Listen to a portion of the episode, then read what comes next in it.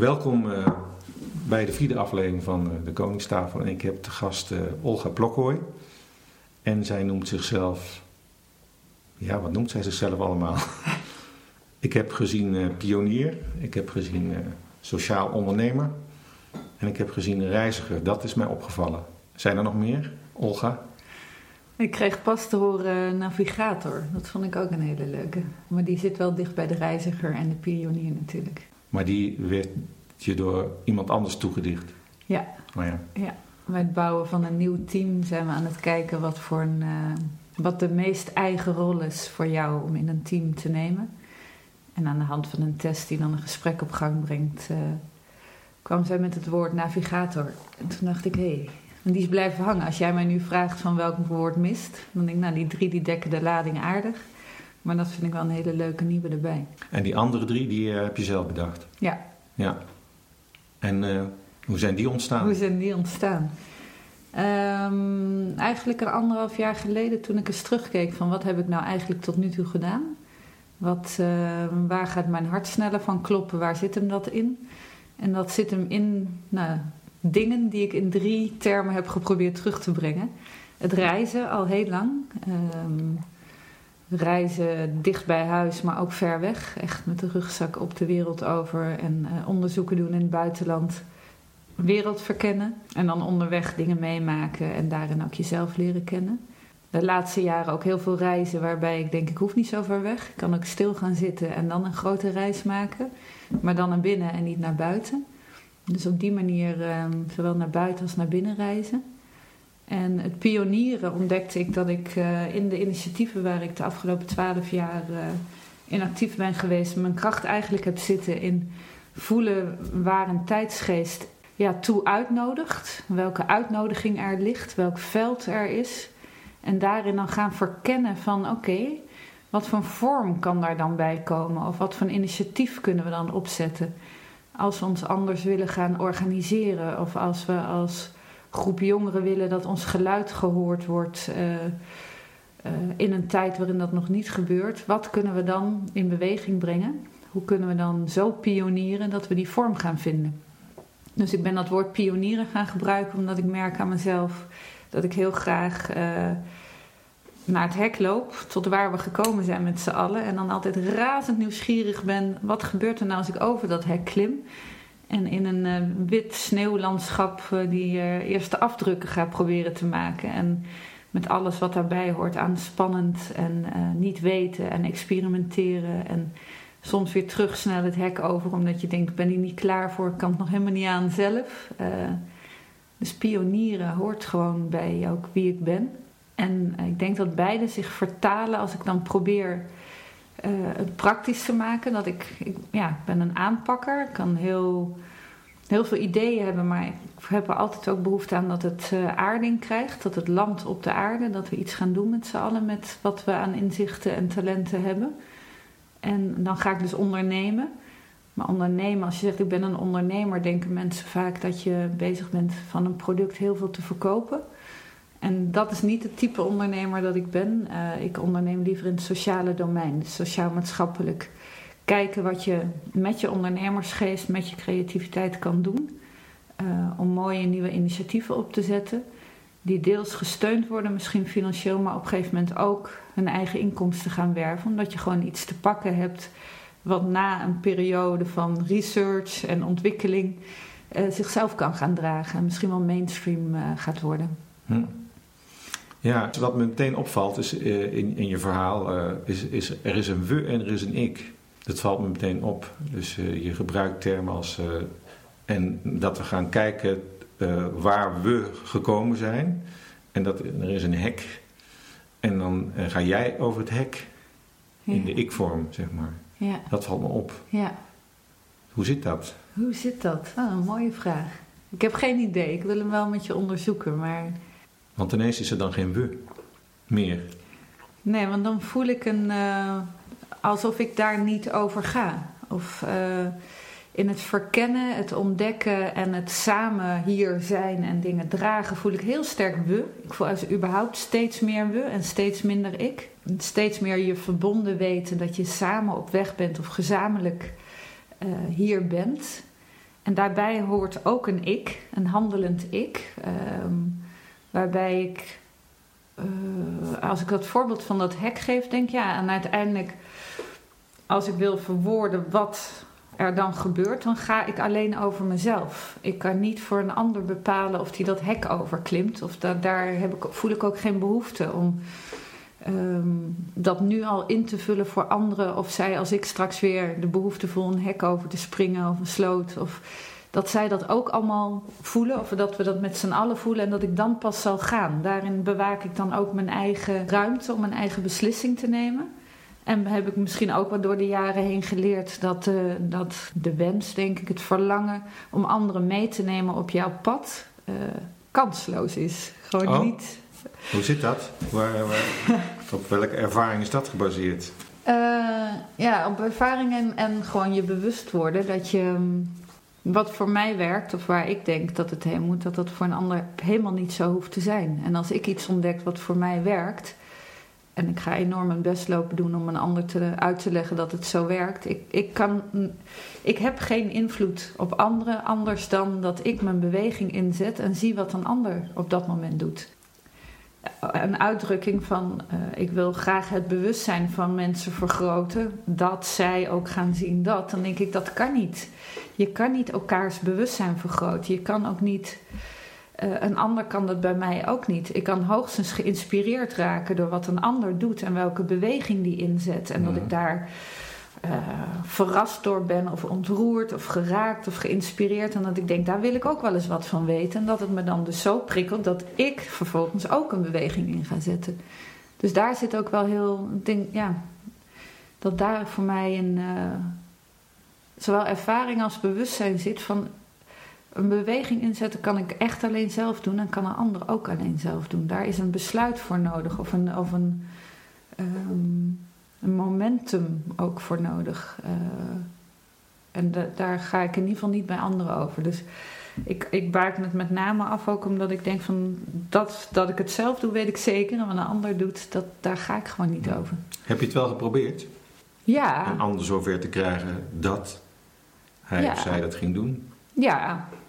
En ook wel met heel veel overtuiging van dat dingen maakbaar zijn. Eh, voor de groep gaan staan en plannen maken en plannen verkopen. En zullen we niet eens dit eh, van de, de studentenvereniging en daarvoor al, zelfs op de middelbare schoolvereniging al, van zullen we niet met z'n allen Malawi gaan redden door eh, nu hier op school een hele mooie inzamelactie of een hele mooie week te organiseren. Nou was het heel gaaf om met een aantal mensen aan te werken. Ehm, maar dat gevoel van ik heb het ontdekt, ik weet nu wat er moet gebeuren, dus ik ga voor de groep staan en proberen daar iedereen enthousiast voor te krijgen. eh, heeft ook wel tot ervaringen geleid dat mensen daar, eh, ja, of het niet zien, dat je daar teleurgesteld door raakt eerst, of tegengewerkt wordt, of dat het een ego-project zou zijn of zo ervaren wordt. Dat soort ervaringen doe je door de jaren heen wel op. Die heb ik zeker opgedaan, ja. En bijbehorende teleurstellingen ook. Ja, ook. Ja. Hm. Ja. Nou is er ook wel iets eigenaardigs aan mij. Dat als ik het zelf leuk vind, dat het dan nog steeds, ook al lukt het niet, dat ik nog steeds heel veel lol kan hebben om het feit dat ik het nog steeds een goed idee vind. Mhm. Dus teleurstelling wel, maar ik ben niet zo heel snel uit het veld geslagen. Dan eh, ben ik ook nog zo eigenwijs eh, als pionier dat ik denk, oh nou misschien was het niet de goede tijd. Of ah, het had ook wel beter gekund. Ja. Ja, dus wel natuurlijk wel ook momenten, in het moment dat het gebeurt, dat je denkt van nou dat is jammer, dat had ik graag anders gezien. Maar eh, het verlangen om verder te pionieren is dan toch altijd groter, dus dat zet zich ook altijd wel weer door. En, en wat ben je dan? Ben je dan, een, ben je dan een idealist of een wereldverbeteraar? Of eh, je, je hebt een idee, je klimt op de barricade en je probeert anderen mee te krijgen. eh, terwijl anderen gaan gewoon iets anders doen. Maar jij kiest hiervoor. Waar komt dat vandaan? Vanaf een, van, van een heel diep gevoel dat het heel vaak eerlijker kan dan het gaat. En dan heb ik het ook echt al over dat. Als je me dat vraagt, komt er gelijk een beeld ook naar boven van dat je als kind al voelt: dit is niet eerlijk. En dat raakt mij. Ik kan over dingen die niet eerlijk of later noem je het rechtvaardig zijn, kan ik me ontzettend opwinden. Doe eens, doe eens concreet dat voorbeeld. Wanneer is dat begonnen? Eh, ik ben eh, eh, als kind heel veel verhuisd. Mijn ouders verhuisden veel, dus ik verhuisde dan natuurlijk mee. En dat je ziet zelf ook ervaart, maar daardoor ook gaat zien wat er gebeurt met kinderen in klassen die er wel of niet bij mogen horen. Dus in- en uitsluiting op scholen. Ja, dat, dat, ik was best een heel lief meisje met jurkjes en leuke schoentjes aan. Maar als er dus iemand nieuw in de klas kwam en die hoorde er niet bij, dan werd ik zo ontzettend kwaad. Of als er echt gepest werd, dat er echt van binnenuit een soort boosheid komt. Van dit, is, dit klopt gewoon niet, dit wil ik niet zo. En daar hoort bij mijn karakter dan bij, mijn vrij vurig karakter, van dan ga ik er ook voor staan. En dan zien we wel, dan zien we wel hoe het afloopt, maar dan moet er iets gebeuren. En wat gebeurt er dan als Olga woedend is? Dat kan allerlei vormen krijgen. Van, uh, op de middelbare school is het een keer gebeurd dat een docent de gang op kwam rennen. En die zei, ik dacht even dat hier de hele boel afgebroken werd. Maar toen had Olga de stem verheft, omdat ze het heel erg oneens was met iets wat er gebeurd was. Dus van stem verheft tot, uh, ja, ik heb ook een keer gevochten, ja, een paar keer gevochten. Ik kan dat nu niet meer, maar ik kon dat dan soms ook niet kwijt dat het ook fysiek zich uitte in echt uh, onmacht. Ja. Ik heb één keer iemand zo hard op zijn neus geslagen dat ik later dacht dat het had anders gekund. Maar uh, in dat moment loste het een heleboel op. ja. ja. Ja. Een gezonde dialoog of zo. Ja, dat, dat was nog een beetje, was ik nog niet helemaal in die dialoog. Mm. Ja. Mm. Nee, maar ik geloof wel, want dit is meer misschien een grapje erover. Ik geloof nog steeds, ik, ik doe heel veel met dialoog en de verbinding zoeken met elkaar, dat dat belangrijk is. Die ik vaak uh, omschrijf als meer vrouwelijke energie, dat je de horizontale verbindingen maakt. Maar dat daar een, een, een verticale bij is en dat daar een zwaard gehanteerd mag worden met een heel duidelijk hier staan we of dit vind ik of nu is het nee. Uh, ja, die twee samen vind ik wel krachtig. Ja. Ja. Maar op een Dan hoef je niet iemand voor op zijn neus te slaan. Dat, dat vind ik dan ook. Daar heb ik zelf inderdaad een oordeel over. Of dat elkaar fysiek in de haren vliegen, dat vond ik dan toch niet zo uh, geslaagd. Ook niet in dat moment achteraf. Maar de, de, de drijfveer van binnenuit, van dit moet nu stoppen, dit kan niet. Ja, die, die komt van ver, die zit diep. Ja. ja, dat intrigeert me wel. Je zou bijna denken dat, dat idealisme eigenlijk onderkoelde woede is. Als je het zo beluistert. Ik hoorde Pieter Winsemius een keer op een bijeenkomst zeggen dat een, een gezond gevoel van ongenoegen of verontwaardiging of opwinding altijd nodig is om uh, in beweging te komen om iets te gaan veranderen. En dat ben ik wel met hem eens. Dat geldt voor jou ook. Het, het ideaal, het beeld van het ideaal komt van dieper dan de opwinding. Hmm. Maar dat er iets, dat jouw eigen ideaal, wat van binnenuit, dat is niet eens misschien je eigen ideaal, dat is nog weer een ander onderzoek. Maar het ideaalbeeld van hoe het kan zijn in omgang met elkaar of in de wereld of met de natuur, als dat zo conflicteert met de realiteit waarin je leeft, ja, dan komt er bij mij wel echt een gevoel van ongenoeg of dit kan anders of hmm. irritatie. Of, en dat kan mij inderdaad, uh, dat is absoluut een, uh, een, een drijfveer achter in actie komen. Heb jij het idee dat je met een opdracht leeft? Ja, ik geloof wel dat ik hier niet voor niks ben. Ja, en niet alleen ik, want dan kom ik weer in het wij. Maar goed, laat ik vanuit mezelf praten. Ja, als je wil, denk ik dat je um, via de weg van steeds beter, dus jezelf leren kennen en snappen wat je meemaakt in dit leven en uh, hoe je dat gevormd heeft, dat je tot een, een zelfbewustzijn kan komen um, en, en een soort van, van uh, leegmaken van jezelf. Dat je en ziet wie je bent in dit leven, maar ook steeds beter kan ervaren van, uh, van binnenuit is er meer uh, informatie. Ben ik aangesloten op een groter geheel.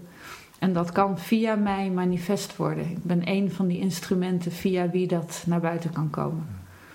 Ja. Je bent een doorgeefluik van iets groters dan jezelf. Ja. Hm. ja. En hoe lang weet je dit al? Um, sinds, uh, ja, ik kom al in mijn kindertijd, maar dat is toch echt al sinds heel klein. Ik, eigenlijk heb ik het gevoel dat ik het nooit vergeten ben, gelukkig. Wat Zo is daar gebeurd dan? Um, ik zat op een katholieke lagere school, ik was een jaar of acht. En um, in een klein dorp in Brabant, een hele leuke school.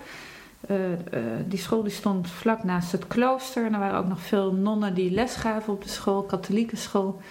En uh, allerlei kinderen gingen in de klas zich voorbereiden op de communie. Eh, maar ik ben van huis uit niet eh, religieus opgevoed. Er is wel heel veel met geloof bij mij in de familie, maar niet in een. of wij zijn niet meer in een van de tradities die in de familie zitten opgevoed. Ik kies heel zorgvuldig mijn woorden, want er is wel heel veel geloof in de familie. Ehm, dus ik deed niet mee aan het oefenen voor de communie. En ehm, nou, als, als dank daarvoor mocht ik als enige in de klas blijven. En deed de lerares ook, of de, ja, de, de, de juf toen, die deed de deur op slot. Want iedereen ging naar de kerk naast de school om te oefenen. En ik kreeg een briefje mee dat dit zwarte zieltje van dit meisje nog wel gered kon worden. Als ik nu dan toch door mijn ouders, uh, ja, dan nog gedoopt en de communie. En dan kon er nog wel een inhaalslag gemaakt worden. En eigenlijk was het was een hele rare ervaring. En het was, uh, dat opgesloten zijn. Ja, dat je, maar en ook het hele, hele moment van dus dat je er niet bij hoort. Dat je eigenlijk... Ja, ik had het ontzettend leuk op die school. Ik had veel vriendjes, vriendinnetjes en de, de, de, de, de juffen en meesters, zoals we dat noemen, noemden, waren ook dol op mij. Dus ik had een prima tijd op school. En op basis van één ding hoorde ik er ineens helemaal niet bij. En dat heeft mij ontzettend geprikkeld natuurlijk. En... Um, uh, we waren veel bezig met de Bijbel en Bijbelse verhalen. En daar dat proces in mij van hiermee bezig zijn en over nadenken, is door die situatie heel erg uh, getriggerd. En ik ben vragen gaan stellen van, ja, prachtig de verhalen in de Bijbel. Maar kunnen we het nou ook niet zo doen dat we, als we Jezus dan zo'n bijzonder leven vinden hebben gehad, uh, kunnen we dan niet doen als, of, of ons afvragen van stel dat wij allemaal Jezus of Maria zijn. Wat zouden we dan doen in het leven? Moet je nou echt allemaal gaan bedenken dat een ander dat heeft gedaan en dat je die. Dat soort vragen begon ik toen al te stellen. Van stel je nou toch voor dat je het zelf bent. Niet omdat ik dacht van.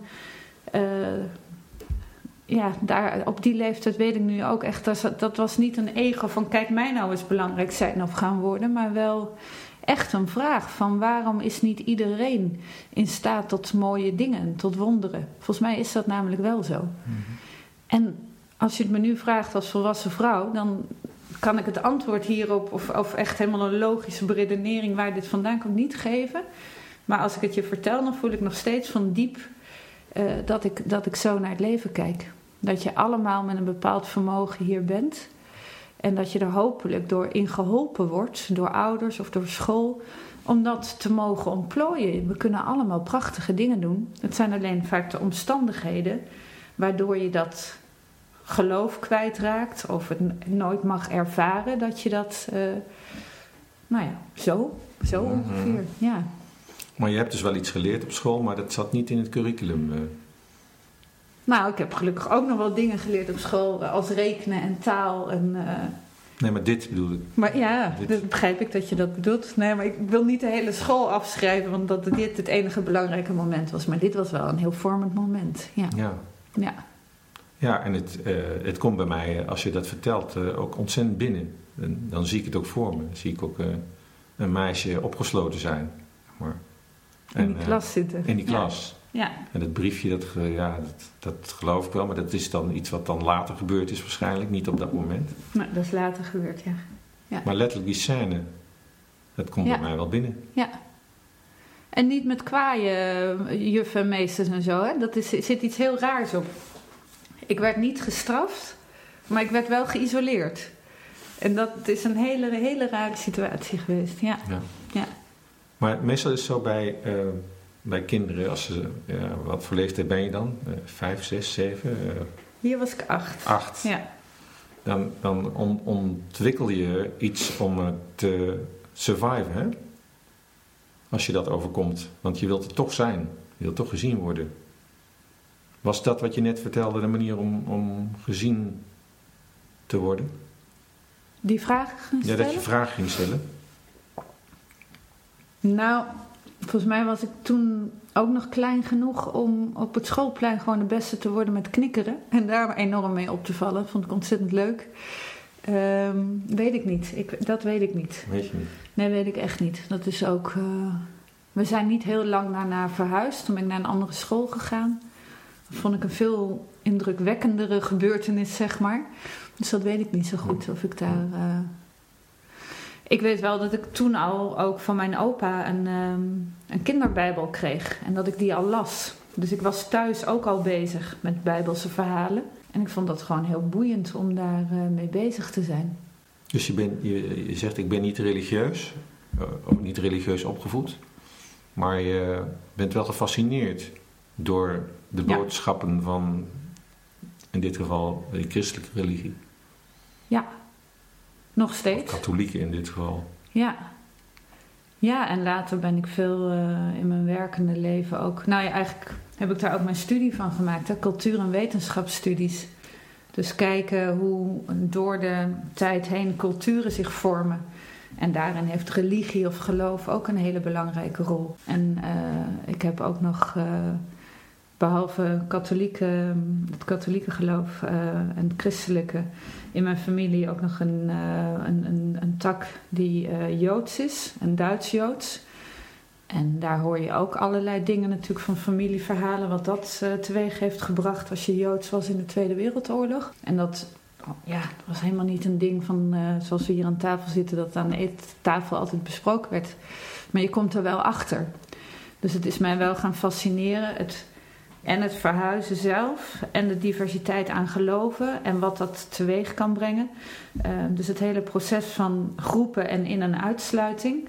Dat, dat is voor mij een studieonderwerp uh, geworden, maar was daarvoor al een fascinatie door eigen, door eigen levensloop of familiegeschiedenis. En dat daar dus, dat vind ik zelf, toen ik dat hoorde, was ik uh, uh, nog meer getriggerd. Um, mijn oma heeft besloten, mijn vader en zijn zus, um, wel veel over religie te vertellen maar zelf een keuze mee te geven van het heeft allemaal toch wel heel erg veel van elkaar weg. Um, het ging hen al meer over het bewustzijn dat er meer zou kunnen zijn dan dat je in één stroming precies doet wat een bepaald boek zegt. Um, en dat vind ik een mooie boodschap en die, die is in mijn opvoeding ook wel doorgegeven. Die van je oma? Ja. ja. Dat ze dingen in twijfel ging trekken of ging bevragen? Of, uh... Nou, meer van de, de, hoeveel waarde het kan hebben om je te verdiepen. Uh, nou, te verdiepen, punt kan ik eigenlijk wel zeggen. Ja, okay. Maar doe het zelf. En hanteer, kijk ook binnen verschillende religies wat er allemaal voor moois geschreven is. En prachtige teksten en verhalen. En misschien zijn het soms ook anekdotes bijna.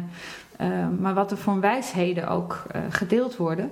Maar vraag je altijd af zelf, voor jezelf ook, wat het betekent. Of wat het in jouw leven betekent. Of, um, dus ik heb ook zelf niet de behoefte om het tot één stroming te keren. Of, of naar een bepaalde kerk te gaan om van iemand te horen hoe het zit. Dat zo, ja, daar ben ik misschien ook dan gewoon te eigenwijs voor. Maar ik vind het... Uh, ja, ik, ik, een dogma waarin je in een richting geduwd wordt hoe je je moet gedragen, hoe je moet praten, wat je moet lezen en wat je welke dag van de week moet doen, daar kan ik niet zoveel mee. Ja. Zou het kunnen zijn dat er in jou een, een nieuwe verlosser schuilt, zonder dat je het in de gaten hebt? Omdat al die religies van de hele wereld, uh, ze zeggen wel eens, uh, everything is a remix. Hè? Dat zijn ja. allemaal dezelfde soort wijsheden. Ja. En die, uh, die strijden met elkaar en tegen elkaar. En, jij bent uh, het gaan onderzoeken, uh, misschien wel als een van de weinigen op deze manier. Dat je een, nieuwe, een nieuw geloof verkondigt. Met behoud van al, al het beste wat er al was. Daar, daar, daar kan ik niet bij. Ik vind het heel flauw om dan nu te roepen: nee, joh. Want ik zou eigenlijk bij elk ander willen dat iedereen zegt ja. Want volgens mij hebben we het potentieel allemaal om een stuk bevrijding te komen brengen. En dan ga je naar het we weer. Ja. ja. Maar ik vroeg of dat bij jou zo was. Nee, ik zie mijzelf niet. Nee, als je het woord verlosser gebruikt of verlosser van anderen niet. Ik geloof wel, uh, en dat, dat vind ik ook fijn, om mezelf van zoveel mogelijk te zien te verlossen. En zoveel mogelijk vrijheid te voelen in. in uh, ook spirituele vrijheid te voelen om te, te, ervaren wat er is. Nee, dat. Uh, misschien is het woord verlosser ook wel zo christelijk dat ik in de weerstand kom of dat ik in de nee kom. Maar ik, ik gebruik het ook met opzet. Ja, dat, daar blokkeer ik op. Ja. ja. Maar je hebt het over uh, zelf verlost worden. Van, ja. Waar moet je van verlost worden? Uh, oh, zoveel belemmerende overtuigingen en, en ideeën van. Uh, we hebben zo ontzettend veel gecreëerd. ideeën over hoe het zou moeten zijn. Of uh, hoe we met elkaar om zouden moeten gaan. Daar zit ik helemaal mee verstopt. Uh, Noem er eens een. Uh, relaties. Wat concreet? Het idee hoe een man en een vrouw uh, voor elkaar kiezen en een relatie opbouwen en samen door het leven gaan, hoe dat werkt. Um, maar ook als meisje de, de, de verhalen over die ene persoon voor jou die er is. Dat ik nu denk, wie was de eerste die mij dat vertelde en waar gaat dat eigenlijk over? Want ik geloof er helemaal niks van. Als ik echt van binnenuit nu inmiddels zelf onderzoek, dan denk ik, nou, nou, dat weet ik niet. Eigenlijk weet ik wel dat het niet zo is. Um, zoveel op, in de opvoeding hoe het hoort. Uh, kleine praktische dingen. Um, je wordt gebeld, dus je moet terugbellen. Nou, misschien wil je helemaal niet bereikbaar zijn en wil je helemaal wel niet terugbellen. En is er wel een hele goede reden voor dat jij een tijdje terugtrekt.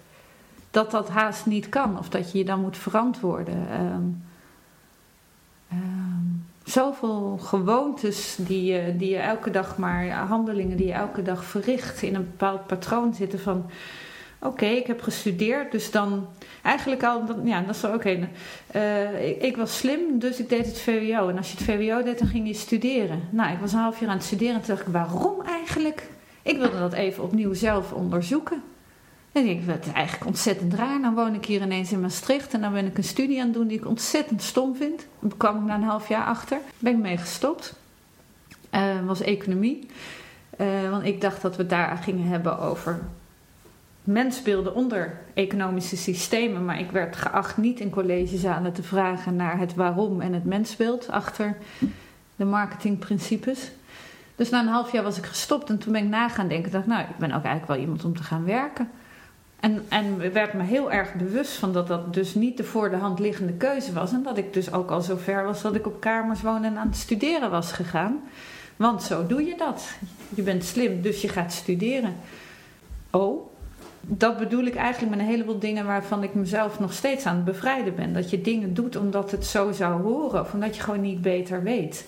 Of nooit onderzocht hebt hoe het ook anders kan. Uh, hoe ik omga met tijd, klokkentijd of bewustzijnstijd. Als jij en ik dit gesprek hebben, dan is het voor ik het weet vijf uur later. En dan kijk ik op de klok en denk oh, vijf uur later. Maar het voelde als wat anders misschien een half uur is. Um, maar je, je deelt voortdurend je agenda en je dag in aan de hand van de klok. Toen ik de kans had om naar Afrika te gaan en daar te reizen, dat, dat hebben veel mensen die in andere continenten gaan reizen. Toen was ik 18 en toen werd ik mij ervan bewust dat het concept tijd en hoe wij dat in het Westen hanteren, een heel specifiek cultureel verschijnsel is van omgaan met tijd. Ja, dan moet je wel eerst buiten die uh, buiten dat gebied komen, in dit geval fysiek en letterlijk, om te ontdekken dat je met allerlei concepten en aannames leeft die jou een hele specifieke kijk op de werkelijkheid geven. Maar het is er maar één. En er zijn er heel veel. En of het ooit lukt om ze allemaal af te leggen, dat denk ik ook weer niet. Maar dat experiment dus, of dat aangaan om zoveel mogelijk overtuigingen af te leggen, dat vind ik eigenlijk wel een hele leuke sport. Ja, ik hoor het. Ja. en het is ook een flink project, lijkt me. Ja. Nou, dan wordt het gewoon een levenswerk. En dan zien we wel hoe ver we komen, toch? Of zien we wel, dan ga ik weer naar de we. Ja, dat doe ik inderdaad.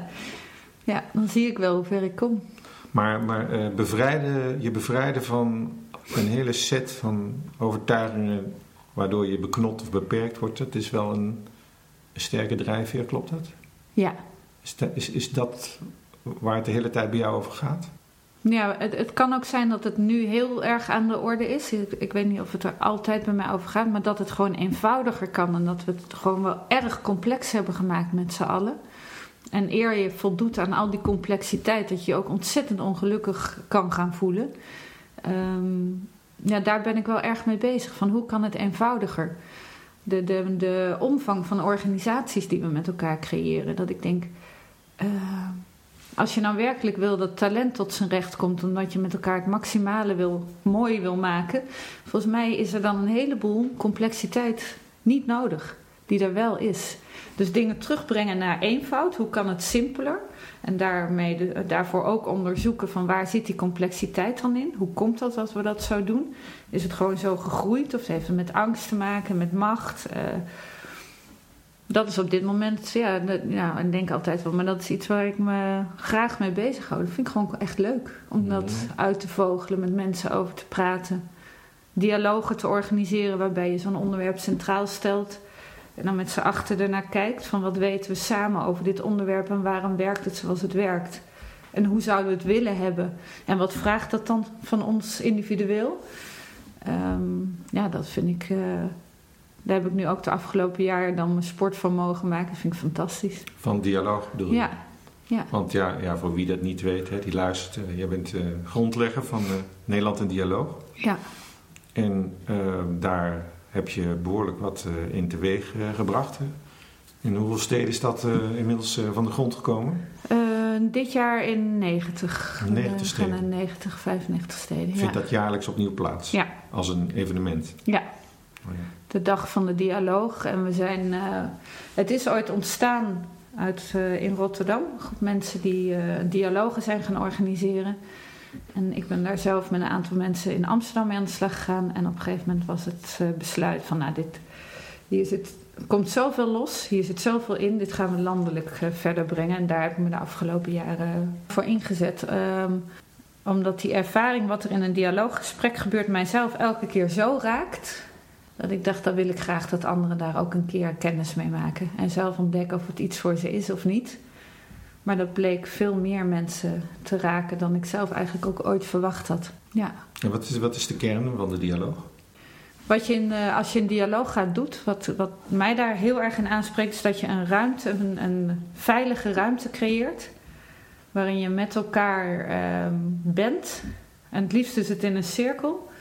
Of er nou tafel in staat of dat je gewoon in een cirkel zit. Waarbij je zegt, dit is het onderwerp wat we gaan bespreken of onderzoeken. Dat, dat weet je van tevoren of dat ontdek je samen.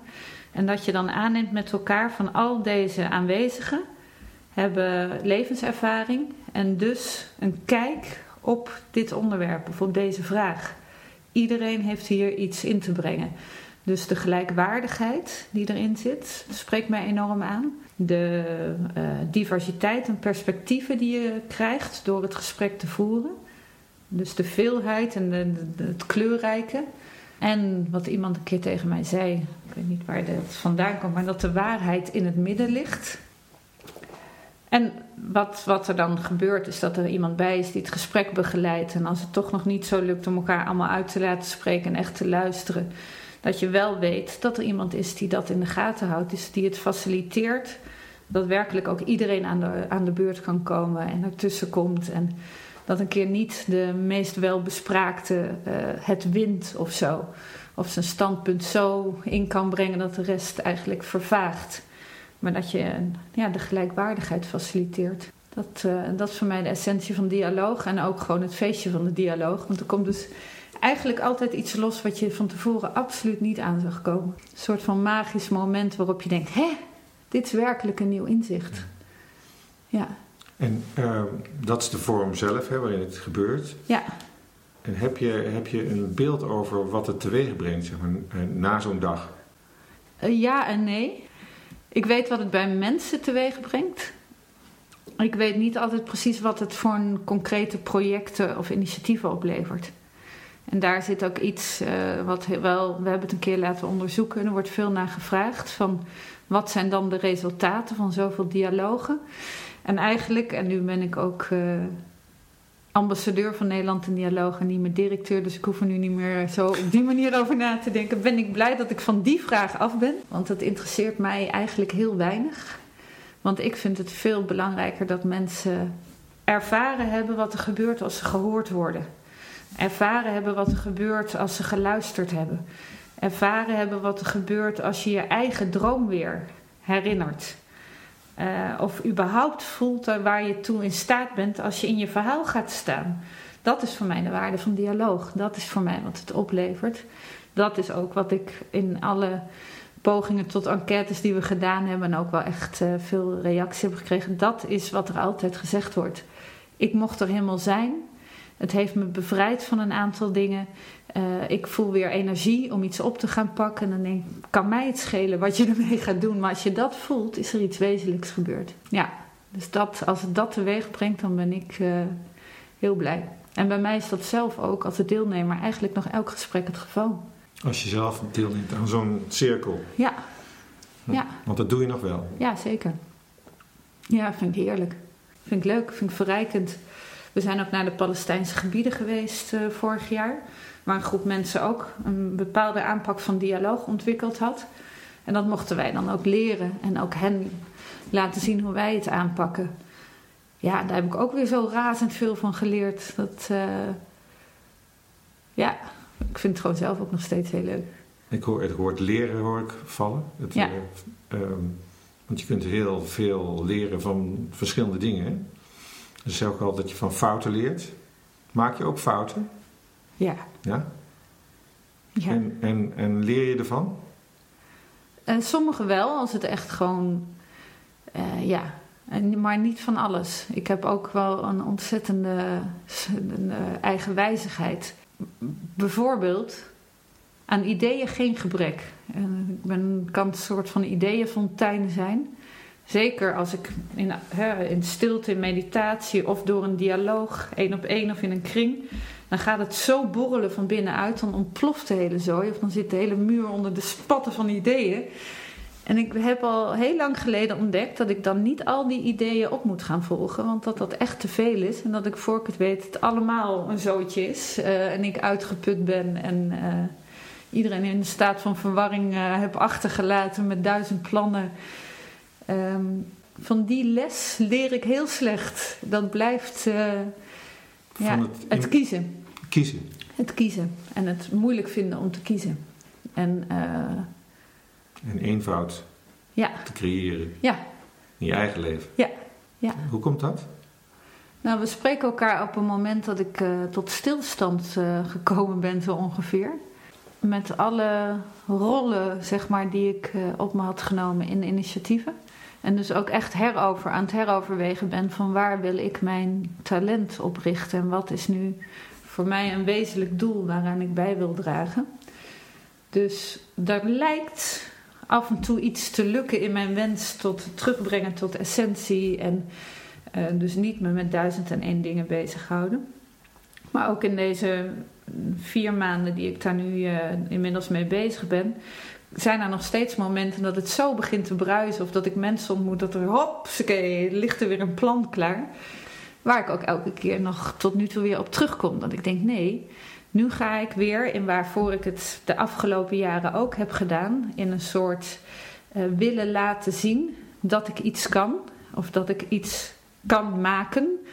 Uh, wat ik net, wat je, waar je net naar vroeg. Um, heb je iets meegemaakt en dat je anderen niet mee kan nemen? Ja, daarin heb ik heel veel meegemaakt. En als je aan het maken bent, doe je dat deels voor jezelf en deels voor anderen, maar ook echt voor jezelf. Laten zien dat je iets kan maken en dus ook laten zien dat je iets waard bent. Uh, een soort bewijzen dat je het kan, naar ouders toe, naar uh, omgeving toe. En daar realiseerde ik me vorig jaar, ergens in het voorjaar, van hé, hey, verrekt die bewijsdrang. Daar is iets verschoven. Er is iets aan het hele of heel geworden, waardoor ik niet meer hoef te bewijzen dat ik dat allemaal waar kan maken. En daarmee verandert er iets enorm ook in mijn eigen, ja, in mijn eigen dynamiek, in mijn eigen bewustzijn, in mijn eigen verlangen, wat ik wil doen. Ik weet nu wat ik kan, maar ik hoef het niet per se nog een keer op die manier te doen. Dus elke keer als ik ook een beetje zenuwachtig word van, nou, wat zou ik dan gaan doen het komende jaar? En ik ga in mijn oude plannenmakerij, voel ik al heel snel, nee, dit is oud. En dit is niet meer nodig. Uh, en misschien dat ik iets ga doen wat uiteindelijk wel weer zich gaat verspreiden of zo. Dat zou kunnen. Maar het hoeft niet het doel te zijn. Um, dus ik ben veel meer op de vierkante meter of vierkante centimeter aan het, aan het dokteren en aan het puzzelen op dit moment. Meer ik dan we. Ja. Op dit moment. Op dit moment meer ik dan we. Ja. En hoe is dat? Hoe voelt dat? Uh, heerlijk. En heel raar. als je dat zo gewend bent om eh, met anderen op te trekken. Eh, ik kom nu wel weer meer bij wie ik zelf eh, in het hier en nu ben. Ik vind het lekker om teruggetrokken te zijn en niet zo goed bereikbaar. En op mezelf en buiten. En het past wel heel erg bij wie ik, in, wie ik ben. En ik ben aan het afkicken. Ergens ook van dat je in heel veel netwerken en, en in, in heel veel teams actief was. En dat dat ja, nu even minder is. Uh, ze zijn er allemaal nog. Het is nog steeds heerlijk, maar er is iets wezenlijks veranderd. Dus het is ook wennen van en, en hoe dan nu wel. Want een verlangen tot verbonden zijn blijft er ook. Mhm. Dus het, het heerlijke van op mezelf zijn en ook een gevoel van ik ben verbonden en ik wil het ook wel graag uh, ik, ik, wil het ook graag zijn. Mm. Ja. Was je verslaafd? Ja, het zou kunnen. Het was voor mij in ieder geval wel heel gewoon geworden om van hot naar her te vliegen, uh, met veel dingen tegelijk bezig te zijn. Het, het chronische druk hebben, zeg maar. Um, dus dat, dat zou best kunnen. Met mij komt uh, toch gebeurt vanzelf, onwillekeurig een beeld op van de schaapsherder in het boek van Coelho, de alchemist. Die uh, helemaal naar uh, Egypte reist om daar een schat te vinden. Ja. En dan daar ter plekke hoort uh, in wederom een droom dat hij maar beter naar huis kan gaan. Ja. Dat daar iets verborgen ligt. Ja. Ja. En daar ontdekt thuisgekomen dat daar een schat lag. Ja die hij al die tijd niet had gezien. Ja. Is er iets dergelijks aan de hand bij jou? Ofwel dat die schat in hem zit, ja. Ja, uh, ja zeker. Het zal je ook niet verbazen dat toen ik mijn uh, reis van een jaar ging maken, dat ik aan iedereen het boek van Coelho gaf, De Alchemist, om te zeggen wat ik ging doen. Mijn moeder vroeg van waarom ga je nou toch op reis? Je bent al zoveel weg geweest. Toen zei ik, nou mam, ik heb allerlei banen gehad, het is nog niet. En ik wil een keer niet voor een opdracht naar Afrika of Midden-Amerika. Ik heb in 2003 toen mijn baan opgezegd en mijn rugzak gepakt en ben naar Guatemala gegaan. En ik heb letterlijk aan een paar mensen dat boek gegeven. Van ik kan het niet anders uitleggen dan dat het hier geschreven staat. En ik ga toch de reis eerst maken. Um, ook al weet ik, ook de, al weet ik de uitkomst. Ja, en dit uh, najaar ben ik niet op reis gegaan. Terwijl ik wel exact dezelfde behoefte voelde als tien jaar geleden. Van er is weer een fase afgerond. En het zou heerlijk zijn om nu ergens in een berg, op een berg te gaan zitten of in een bepaald landschap rond te trekken. En nu dacht ik, dat hoef ik niet meer te doen. Ik kan dat nu, nu is het oké om, dat, uh, om dat op een andere manier te doen. Ja, thuis, uh, naar binnen, ook in de winter sowieso letterlijk naar binnen en de warmte opzoeken in eigen huis. Ja. Dus is er zoiets gaande bij jou? Ja. En dat is ook die weg naar binnen, die, uh, ja, de reiziger. Toen je aan het begin vroeg van die drie woorden, de reiziger uh, is zowel een naar buiten gerichte reiziger als de naar binnen gerichte reiziger. Die naar binnen gerichte reiziger is nu uh, groter of sterker aanwezig dan de naar buiten gerichte. Ja. Uh, ik was pas in een kring bij elkaar met een aantal mensen. Gewoon om te reflecteren op de tijd. En we hadden samen iets georganiseerd. En een drum erbij. En was een mooi moment. Gewoon verstilling met elkaar. En op een gegeven moment, na een tijd, werd er weer gesproken. En toen had ik een heel helder beeld van. Uh, ik voel me af en toe ook echt een. op dit moment een adelaar. Die gewoon mag rondcirkelen. En de thermiek mag ervaren. Je, je, je, stijgt wel op, daar doe je de moeite voor, maar je mag ook meebewegen. Gewoon kijken naar wat er allemaal is. Soms echt dalen of hard naar beneden om iets wat je nodig hebt of ziet te pakken of erop af te gaan. En er weer uit. De beweging uh, van en deelnemen en weer weggaan is op het moment sterk. En van een afstand beschouwen. En dan dus ook op mijn eigen manier lekker uh, ja, mezelf de toestemming ook te geven om, al is het pionieren op dit moment in mijn eentje met een vuur aan de overkant van de rivier. Ik weet wel dat er mensen er zijn, zij weten waar ik ben, iedereen is welkom.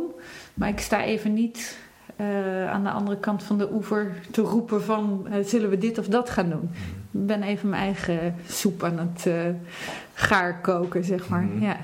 En het meest voor de hand ligt dan natuurlijk om een vraag te stellen die je eigenlijk zelf altijd stelt. Wat wil zich manifesteren nu? ja, en dat weet ik nog niet. Dat weet je nog niet. Nee.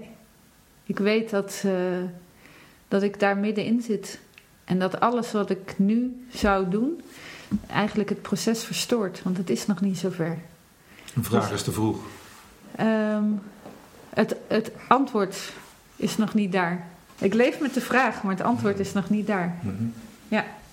Dat, het is exact voor mij dus ook de vraag waar ik ook nu heel actief mee, eh, mee ben. En die kan ik, dat antwoord wil ik en kan ik niet afdwingen. Doe je dat allemaal in je eentje? Nee, Dat antwoord vinden? nee. Hoe doe je het? Eh, in gesprek met anderen. Met jou vandaag. eh, met ook, maar ook met andere mensen die. hmm, een stuk of vijf, zes mensen met wie ik fijn vind om te gaan wandelen en te praten en te spiegelen. Die zowel heel aard zijn als abstractie prettig vinden. Maar ook in zo'n kring, wat ik net vertelde, waar je totaal niet weet waar iedereen mee bezig is of wat er komt. Maar waar je dan gevoelens en, en beelden deelt over in welke tijd zijn we nu. Soms ook door te lezen, alhoewel ik. ehm, nou, op dit moment is het van dat het van binnen naar buiten mag komen fijner dan dat ik van buiten informatie naar binnen haal. Dat werkt eigenlijk eerder verstorend dan verrijkend. Die ken je al, hè? Die ken je al. Ja. Ja, ja. Nou, als de reis naar Guatemala mij tien jaar geleden iets geleerd heeft. Ik was aan het reizen en ik was lekker op mijn eigen manier aan het reizen. En op een gegeven moment ben ik tien, of, eh, drie keer, niet tien keer, drie keer eh, door iemand gevraagd, of werd mij gevraagd van, ga jij ook naar dat meditatiecentrum? Daar zal jij wel naar op weg zijn. En dat was niet iets wat ik me voorgenomen had. Ik ben daar wel naartoe gegaan en heb daar een maand gezeten. Want ze deden ook eh, bijeenkomsten, ja, een maand bijeenkomsten. Ik heb een maand meegedaan. En ehm, nou ja, het ging van veel les hebben en yoga en meditatie doen.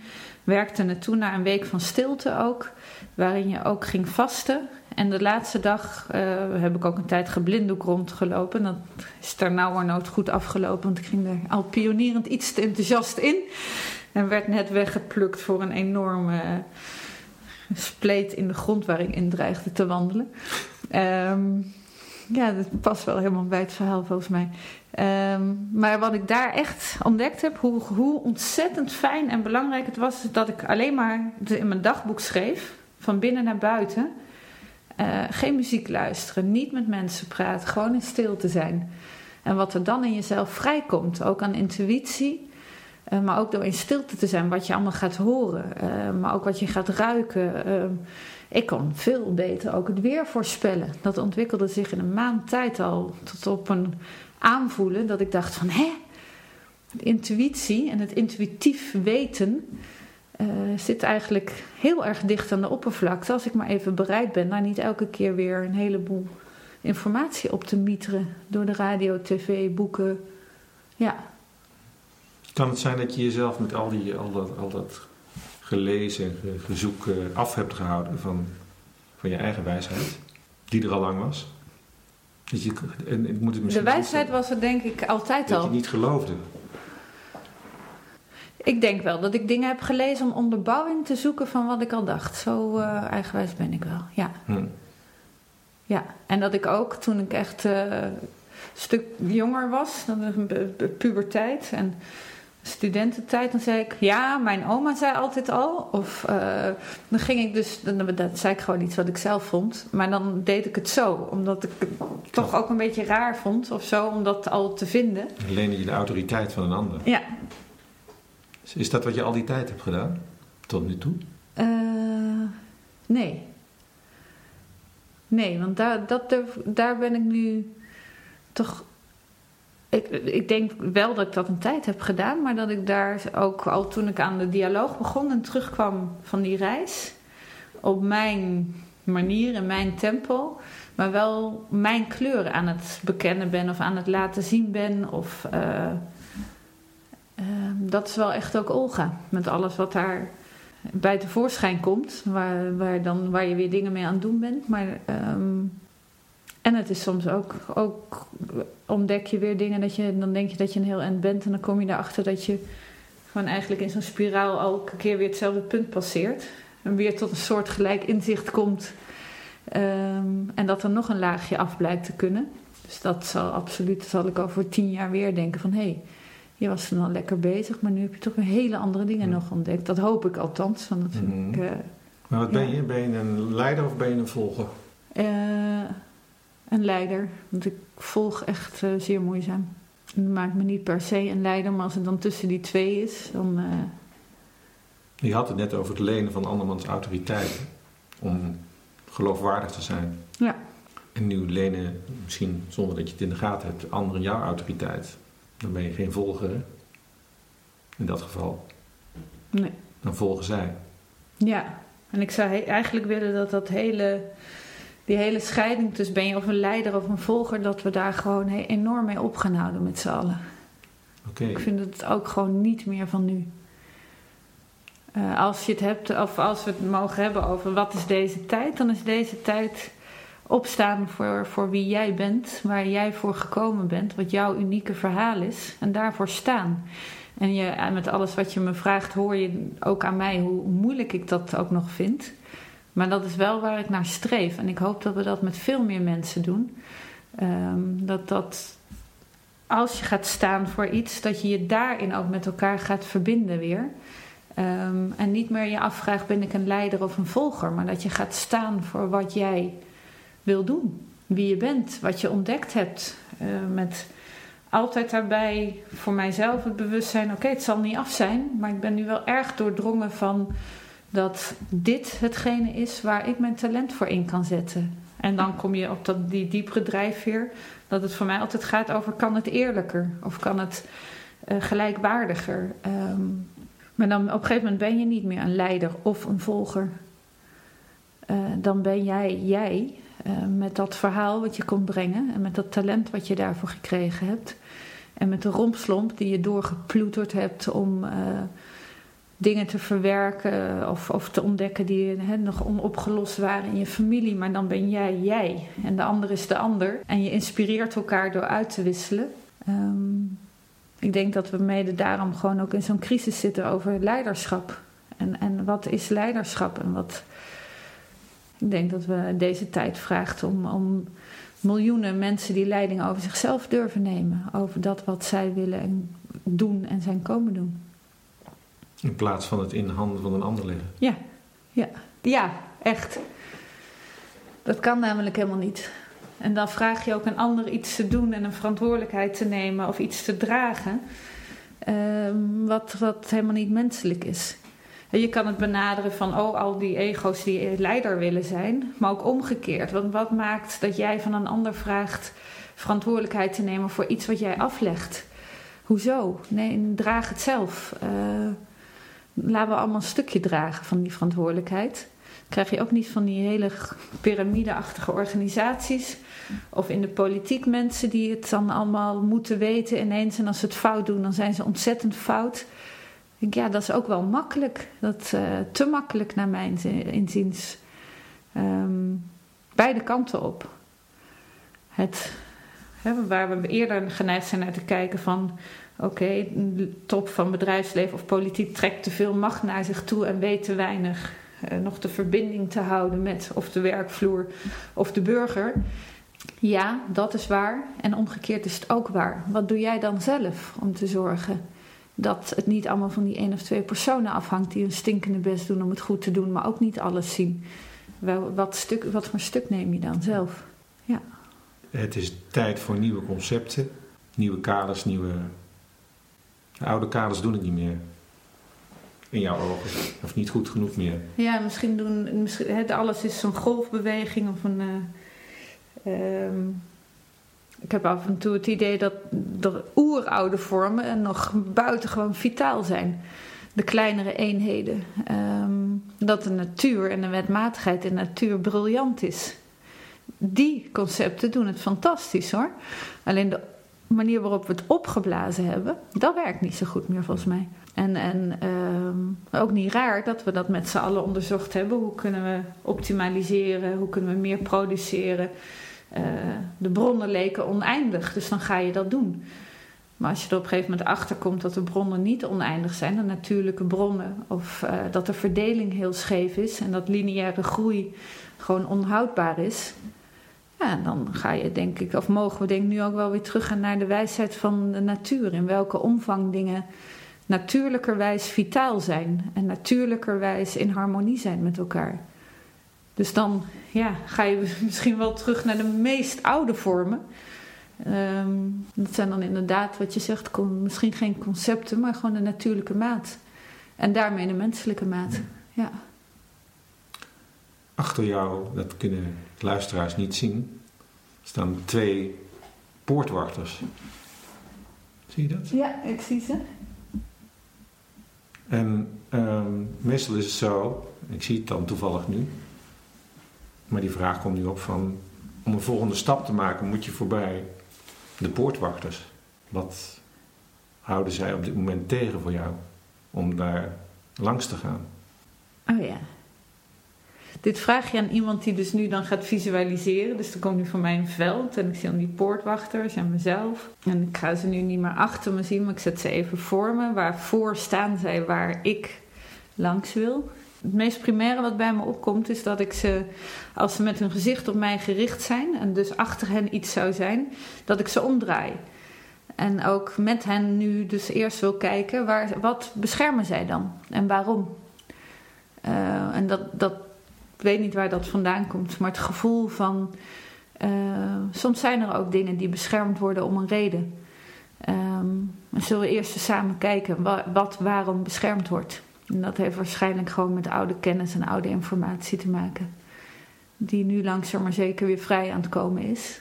Um, maar wat ook gewoon verantwoordelijkheid vraagt om die informatie goed te hanteren. Niet alles valt altijd in goede handen. En dan komt er dus bij mij een vraag van ben ik er klaar voor om met nieuwe informatie te gaan werken? Als je me dit soort vragen stelt, krijg je ook dit soort abstracte antwoorden. Maar dit, dit komt naar boven als beeld. Ja. ja. Dan ga ik je volgen. Dan spreek ik je over een jaar graag weer. En kijken wat er gebeurd is met die nieuwe informatie. Graag. Leuk. Um, dit was de vierde aflevering van de Koningstafel. Uh, dankjewel Olga dat je hier was. Ik uh, spreek je graag over een tijd weer. En volgende week is de gast Sanan Sana. Hij is arts en het boekbeeld van Compassion for Care. Ik ben ontzettend benieuwd wat hij te vertellen heeft. Uh, dat zal ongeveer over twee weken zijn. Tot dan.